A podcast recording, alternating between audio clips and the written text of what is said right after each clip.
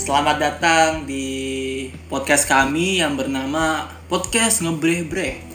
Nah, gue jujur ya sebelumnya gue tuh nggak tahu arti ngebreh-breh itu apa, karena yang nemuin sendiri tuh teman gue, Febrio. Nah, sebelumnya coba dijelasin filosofis nama ngebreh-breh ini apa menurut lo? Oke. Ngebrebre ya. Kalau menurut gua, kenapa kita dinamainnya podcast ngebrebre?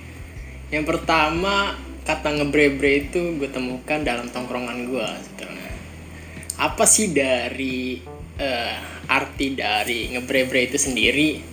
Nah, ngebrebre itu ibarat kata ya adanya sebuah interaksi antara individu dengan individu atau individu dengan kelompok yang menciptakan sebuah solusi yang nantinya eh, bisa disimpulkan untuk menjadi sebuah solusi ke depannya. Nah, seperti itu. Jadi sederhananya itu eh, ngebreh-breh ini artinya kayak berinteraksi dengan orang orang individu maupun orang banyak gitu. Iya, seperti itu. Oh, oke. Itu kata orang Jakarta. Iya, iya, kata orang Jakarta katanya. Nah, apa tuh? Ya, ngebre-bre tuh ya, lu lu ngecap aja. Yang penting lu Ngecap ngecap tuh apa? Gue nggak tahu ngecap tuh apa. Wah, ngecap itu, lu ngomong aja, lu ngomong, eh, lu ngalor ngidul, lu ngomong mau ke mana ke, mau ke mana, intinya tetap aja, hal- harus ada solusi di dalamnya seperti itu. Itu kata orang Jakarta, katanya. Oke, oke, oke, oke. Seperti itu. Makanya di namanya juga podcast ngabrebre. Ngebreh-breh. Oke. Langsung aja ke eh, ke topik yang akan kita bicarakan atau kita diskusikan berdua. Eh, Kita mau ngambil topik apa, Bro? Nah, ini episode pertama ini. Oh iya, episode pertama. Kenapa episode pertama? Karena kita punya rencana akan buat episode kedua, ketiga, keempat dan seterusnya. Wih. Dengan harapan podcast ini membuka pintu gerbang kita untuk berkarya melalui podcast. Wih, keren juga nih. Jadi sebenarnya KIK ini apa eh, memfasilitasi kita untuk berkarya sejauh mungkin gitu dan berharap melalui podcast ini kita bisa berkarya lebih lama lagi nggak sekedar apa namanya nggak sekedar memenuhi tugas doang tapi untuk ya tempat kita diskusi tempat kita ngobrol-ngobrol tentang isu-isu terkini lah gitu yang lebihnya bro Betul, betul, betul. langsung aja nih eh, episode pertama ini lumayan berat juga Apa tuh? lumayan berat. Eh sebelum kita belum izin memperkenalkan diri ya? Oh iya, aduh, Iya. bro, bro. Kayak ada yang dengerin aja. Iya. Oke, gua ingin memperkenalkan diri dulu. Nama gue Iksan dan teman gua. Febri Alfianta. Oke, langsung aja lah ke topik. Topik kita ini itu KDRT di masa pandemi.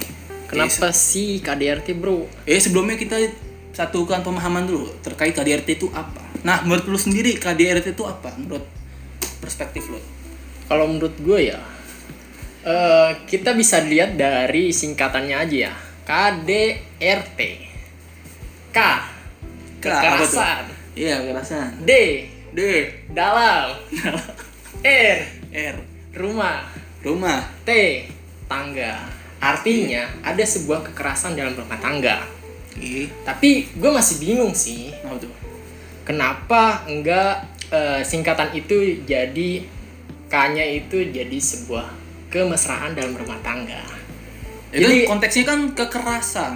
Ada kayak rumah tangga apa retak harmonisannya karena ada oknum yang menyakiti anggota keluarganya atau yang menyiksa. Iya, memang seperti itu. Tapi kan lebih enak aja gitu ketika ke KDRT itu di singkatannya bisa disebut dengan kemesraan kan lebih harmonis gitu.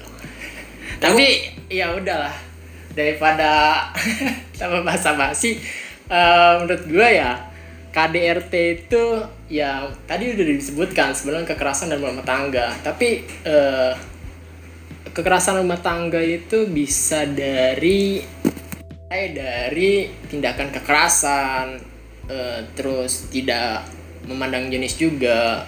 Ya pokoknya terjadi sebuah kekerasan di dalam rumah tangga lah pada intinya. Hmm, oke oke. ya gitu. Nah itu menurut gua. Kalau menurut lo gimana san Nah, kalau menurut gua KDRT itu ya ya bener kekerasan yang dalam rumah tangga. Yang tidak hanya kekerasan dalam bentuk fisik, tapi juga kekerasan dalam non fisik. atau lebih tepatnya kekerasan dalam bentuk psikologis. Yang kayak contohnya gini eh, merendahkan istri lu atau anak lu atau mengurangi rasa kepercayaan diri terus mengancam ataupun menghina lah. Kurang lebih begitu kurang lebihnya dalam bentuk secara lisan lah seperti itu Pep. Eh, ini kan eh, udah berbicara tentang definisi. Nah, mungkin selanjutnya kita berbicara tentang data-data di KDRT selama pandemi sih. Mungkin dari sobat gua nih, sobat Isan mungkin akan berbicara tentang data eh, KDRT selama pandemi. Mungkin sobat sobat sobat Ihsan. Oke, gua bakal jelasin nih fakta dan data terkait KDRT di masa pandemi. Oke, dari Komnas Perempuan melaporkan bahwa KDRT menjadi kasus eh, yang kekerasan yang paling banyak dilaporkan. Terdapat 319 kasus kekerasan yang telah dilaporkan semasa pandemi. Dua per tiga dari angka tersebut merupakan kasus KDRT. Nah, ada juga nih data dari eh, Lembaga Bantuan Hukum Asosiasi Perempuan Indonesia untuk Keadilan atau disingkatnya LBH APIK.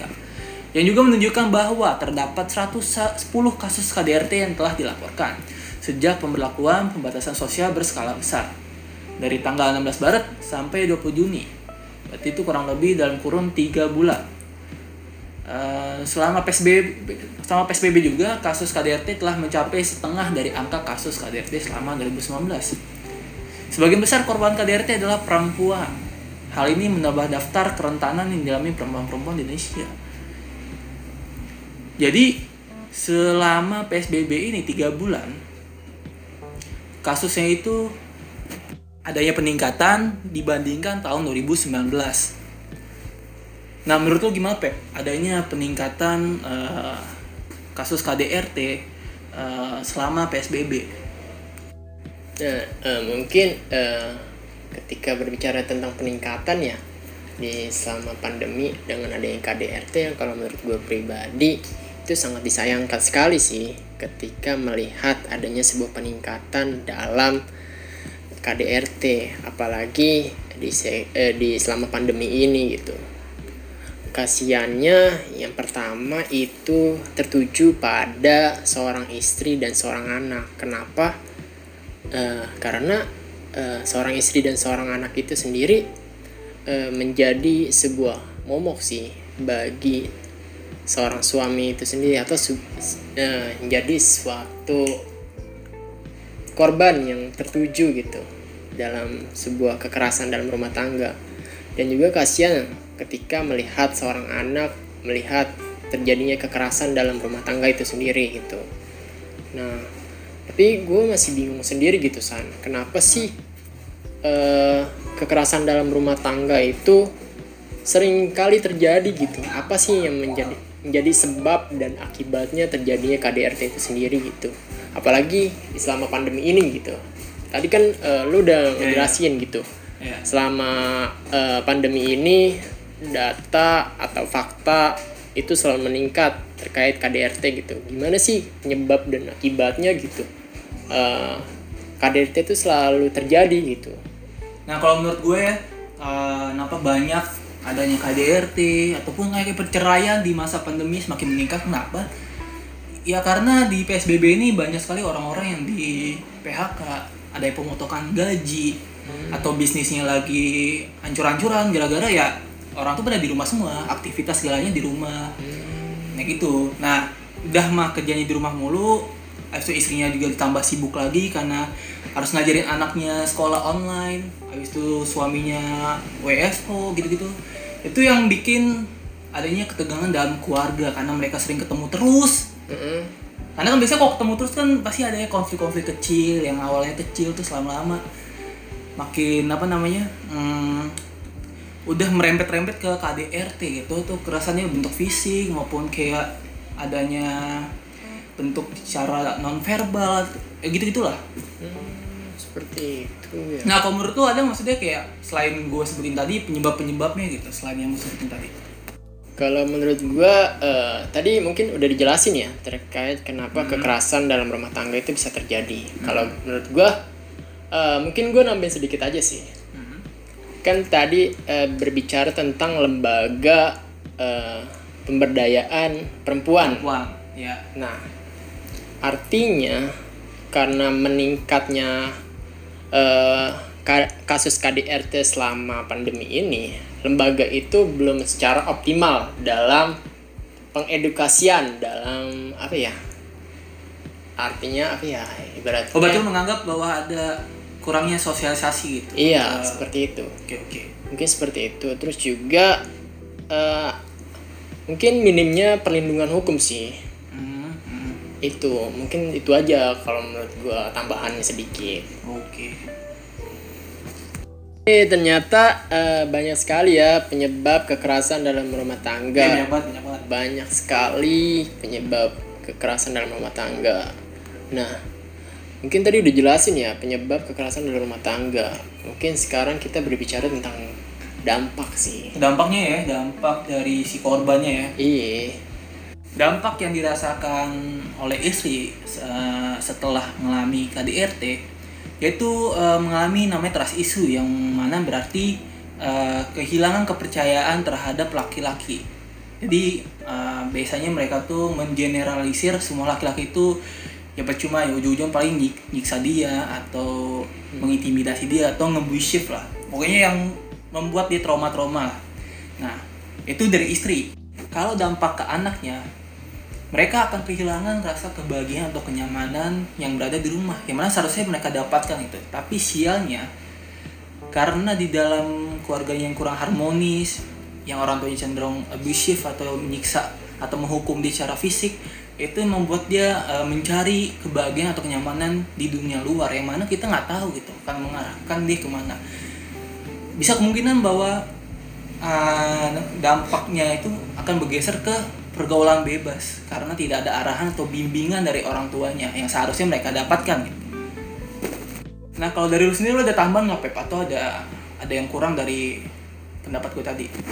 Nah, bener sih yang dikatakan lo terkait eh, mereka tuh lebih menemukan kebahagiaan di luar rumah ketimbang di rumahnya masing-masing gitu, di rumah sendiri-sendiri gitu.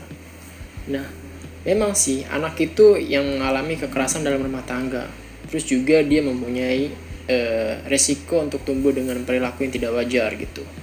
Yang ia la- lampiaskan karena perilaku yang tidak sepatutnya ia dapatkan di dalam rumah. Contohnya kayak berkelahi. Terus juga dia sering berbohong kepada orang tuanya, berbohong kepada teman-temannya, dan berbohong juga kepada yang lainnya juga gitu. Ya, jadi berpengaruh negatif ke anaknya sendiri ya? Iya. Karena kedua orang tuanya yang nggak ngasih edukasi atau ngasih arahan yang baik ke anaknya. Seharusnya eh, si anak ini mendapatkan sebuah apa ya edukasi gitu terhadap perilaku yang dilakukan oleh kedua orang tuanya. Tapi ini berbanding balik, berbanding terbalik gitu. Yang di mana eh, edukasi itu sebuah kekerasan gitu, kekerasan dalam rumah tangga itu sendiri gitu. Yang eh, kemudian pola interaksi sosialnya itu apa ya? Dibilang buruk lah. Pokoknya seperti itu mungkin tuh Karena berkaca dari kedua orang tuanya kali ya, mungkin membentuk eh, sifat dan karakternya seperti itu kali ya. hmm, bisa jadi sih. Kita langsung geser ke pembahasan terakhir aja kali ya. Kita langsung membahas solusinya. Solusi. Nah, eh, dari gue ya, untuk para korban, kalian bisa nih melaporkan ke lembaga yang mewadahi masalah-masalah terkait KDRT. Nah sejauh ini eh, udah ada dua lembaga yang bersedia untuk mengadvokasi masa-masa KDRT yang kalian alami. Yang pertama itu ada Komnas Perempuan eh, yang bersedia untuk mengadvokasikan masalah-masalah yang kalian alami. Eh, kalian langsung aja kunjungi website resminya www.komnasperempuan.go.id. Mereka juga menyertakan nomor yang bisa dihubungi serta alamat kantornya. Dan ada juga dari Lembaga Bantuan Hukum Asosiasi Perempuan Indonesia untuk Keadilan atau disingkat LBH APIK yang memfasilitasi kalian eh, untuk melaporkan masalah KDRT di rumah tangga kalian. Info lengkapnya bisa kalian cek di website resminya ke lbhapik.org.id. Oh ya, info ini eh, nggak hanya untuk korban KDRT-nya aja, tapi juga kalian yang melihat tetangga kalian yang mengalami KDRT atau kerabat kalian yang mengalaminya, nggak usah ragu untuk melaporkan ke kedua lembaga tersebut. Kalau dari lu, Feb, solusinya apa nih? Kalau menurut gue, solusi yang gue tawarkan untuk cara membantu seseorang yang mengalami KDRT di saat pandemi COVID-19 itu yang pertama, itu gue bakal ngelakuin eh, mengirim pesan sih. Mulai dari ngechat dia, itu tanya bagaimana sih kita ingin ngobrol sama dia. Eh, mulai dari chatan aja kita bisa ber- berinteraksi gitu dengan sosok si korban itu gitu. Terus juga ketika kita sudah berinteraksi dengan korban, kita support dia. Kita percaya dia dengan cara eh, support dia itu dengan kita bilang eh, kamu itu nggak sendirian gitu loh. Eh, masih ada saya, masih ada teman-teman juga teman-teman sekeliling kamu bahwa yang mendukung kamu ketika kamu ada kekerasan di dalam rumah tangga kamu juga. Terus juga yang ketiga itu kita harus juga tetap akrab gitu pada teman kita yang apa ya menjadi korban kekerasan dalam rumah tangganya gitu Eh, dengan cara-cara yang kreatif dan edukatif. Set. Yang pertama, kita ngajak nelpon gitu sama anak-anak karena apa ya? Dengan kita berinteraksi dengan teman-teman kita, dengan kawan-kawan kita itu akan apa ya? Membuat suasana hati kita juga menjadi senang. Sekaligus gitu. menjadi support system gitu. Iya. di rumahnya apa namanya mengalami Kekerasan, kekerasan. dengan adanya hadir sebuah teman-teman itu suasana hati si korban ini menjadi senang gitu. dan bisa membantu dari segi moral dan psikisnya gitu. Iya. Dan juga yang terakhir nih, Apa tuh? yang terakhir itu ngajak mabar. Mabar apa mabar.